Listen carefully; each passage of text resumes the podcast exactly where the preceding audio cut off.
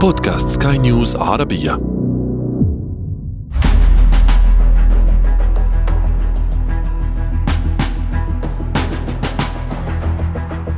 Thanks to our military and our allies and the brave fighters of Afghanistan, the Taliban regime is coming to an end.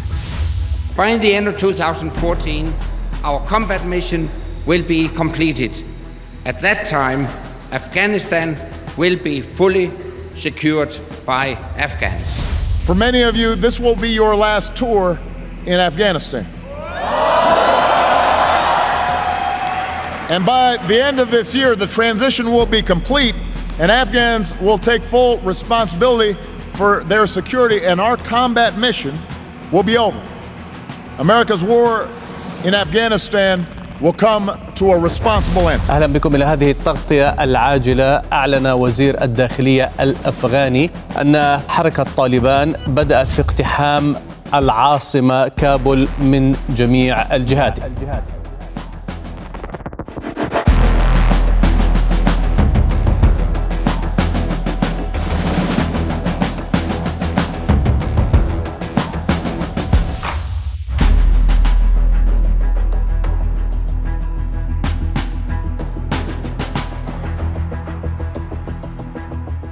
أغسطس من عام 2021 عادت عقارب الساعة إلى الوراء.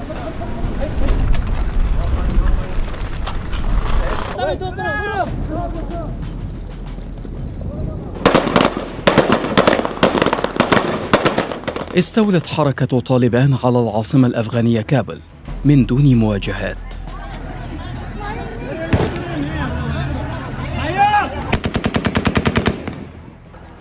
دخل مسلحوها إلى القصر الرئاسي. وسيطروا على كل المرافق والمباني الحكومية والقواعد العسكرية التابعة للجيش من دون أن يطلق الأخير رصاصة واحدة لمواجهتهم.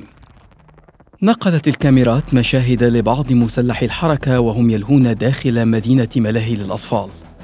لكنها وثقت أيضا محاولات آلاف الأفغان المذعورين وهم يهرعون باتجاه مطار كابل. النقطة الوحيدة خارج سيطرة الحركة للحاق بأي من الطائرات التي تجلي الرعايا الغربيين ومن ساعدهم من الأفغان. لم ينجح معظمهم في ركوب الطائرات لكن بعضهم اختار أن يموت متشبثا بعجلاتها على أن يموت تحت حكم الحركة.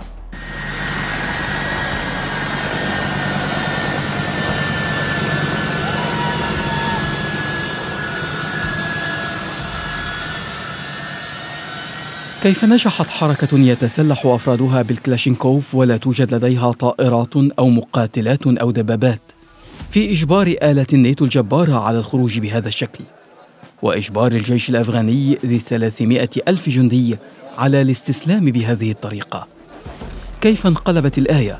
وأصبحت الحركة قوة لا تجد القوى العظمى بدا سوى الحوار معها. كيف حقق الطالبان ما فشل فيه الاتحاد السوفيتي والولايات المتحدة؟ السيطرة على أفغانستان. هذا أنا عمرو جميل أحييكم. وأنتم تستمعون إلى بودكاست بداية الحكاية الموسم الثاني. بداية الحكاية.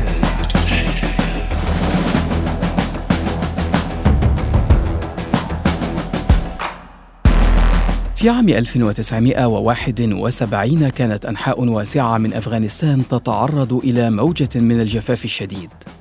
استمر ذلك الجفاف لشهور عديدة، وأثر بالتالي على النشاط الزراعي عصب الحياة في البلاد. دمرت المحاصيل الزراعية، وأعقب ذلك نفوق قطعان الأغنام، المصدر الرئيسي للحوم. وعندما انتهت شهور الجفاف أخيرا في عام 72 أعقبه موجة صقيع عاتية أكملت ما بدأه الجفاف. لا توجد أعداد دقيقة حول عدد من ماتوا جراء ذلك، لكن التقديرات تشير إلى نحو مئة ألف ضحية. كانت أفغانستان آنذاك دولة ملكية يحكمها الملك محمد ظاهر شاه، ويترأس حكومتها ابن عمه الجنرال القوي محمد داود خان، الذي لم يكن الملك ظاهر شاه يرتاح لنفوذه الواسع. لكنه كان غير قادر على الإطاحة به في الوقت ذاته. ومع كارثة الجفاف والمجاعة حجب البرلمان الثقة عن حكومة داود خان وأجرى تعديلا دستوريا يمنع أفراد العائلة المالكة من تولي المناصب العامة. تشكلت حكومة جديدة برئاسة محمد موسى شفيق لكن حكومة موسى شفيق لم تنجح في التعامل مع الوضع الإنساني الكارثي كما أن الجنرال داود خان لم يقبل الخروج من المشهد بسهولة. وتحت وطأة الغضب الشعبي وغضب الجنرال خان. استغل الأخير صفر ابن عمه الملك ظاهر شاه في رحلة علاجية إلى إيطاليا ليطيح به وبالملكية كلها ويشكل حكومة برئاسته في عام 73 وبرغم أن الملك قبل الأمر الواقع في نهاية الأمر لكن فرقا أخرى رفضت الانصياع لداود خان. كان الجنرال داود خان قوميا متعصبا لقوميته من الباشتون العرق الأكبر في أفغانستان. والذي يعتقد أنهم يشكلون أكثر من 40% من السكان. أدى ذلك لاستبعاد عرقيات كبيرة أخرى في أفغانستان كالتاجيك والهزارة والأوزبك وغيرهم. كما أن توجهات الجنرال داود خان الماركسية لم تجد تعاطفا كبيرا لدى الغرب الذي كان يخوض في ذلك الوقت حربا باردة مع الاتحاد السوفيتي. بالتالي كان منطقيا أن يكون الاتحاد السوفيتي هو الصديق المقرب لداود خان. لكن الرجل أراد أن يمسك العصا من المنتصف. انتهج سياسة عدم الانحياز وأدى ذلك بالتبعية إلى خلافات مع الاتحاد السوفيتي. وجلبت له سياسته القومية عداء القوميه الأخرى. وعندما بدأت الخلافات الداخلية داخل حزبه لم يجد الرجل داعمين كثر. لألقى خان حتفه مع معظم أفراد عائلته في عام 78 خلال انقلاب قاده الحزب الديمقراطي الشعبي الأفغاني الذي كان هو نفسه حزب داود خان وانقلبت فصائل عليه من الداخل.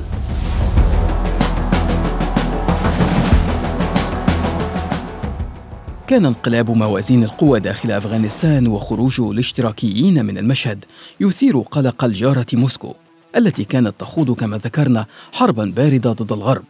ولم ترد أن يستخدم الغرب أراضي أفغانستان كمنطقة تهديد للاتحاد السوفيتي. وهكذا دخلت القوات السوفيتية أفغانستان لتندلع الحرب السوفيتية الأفغانية لعشر سنوات كاملة بين عامي 1979 و 1989 كانت أفغانستان آنذاك مسرحا لكل أنواع الصراعات. فهي مسرح لصراعات عرقية وصراعات عقائدية وصراعات سياسية. وجدت الولايات المتحدة فرصة ثمينة لاستنزاف الاتحاد السوفيتي من قبل من أطلق عليهم المجاهدين الذين رفضوا السياسات الشيوعية لداود خان والاتحاد السوفيتي. استخدمت الولايات المتحدة والغرب جهودها للترويج للحرب على أنها معركة بين الاتحاد السوفيتي الملحد والمجاهدين المؤمنين. ودفع ذلك كثيرين للتعاطف مع المجاهدين سواء على أساس ديني أو من منطلق مقاومة الضعيف للقوي. وجد الاتحاد السوفيتي نفسه في مستنقع. أدرك معه أنه في حرب جبال ضد فصائل مختلفة لا قدراته المادية ولا اللوجستية قادرة على الفوز بها. في وقت كان هو نفسه يعاني من الانهيار. لتنسحب القوات السوفيتية بشكل كامل في فبراير من عام 89 بعد عشر سنوات من المعاناة. كان من المفترض أن يمثل الانسحاب السوفيتي بداية جديدة لأفغانستان. لكن الواقع أن غياب عدو مشترك للجماعات متعددة العرقيات والأيديولوجيات والسياسات. دفع تلك الجماعات والميليشيات لمحاربة بعضها البعض. سقطت البلاد في براثن الحرب الأهلية.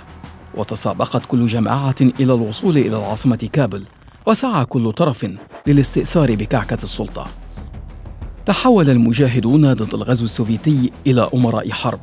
يسيطر كل منهم على منطقة يمارس عليها نفوذه وسط كل ذلك بزغ نجم حركة جديدة قوامها طلاب المدارس الدينية حركة طالبان.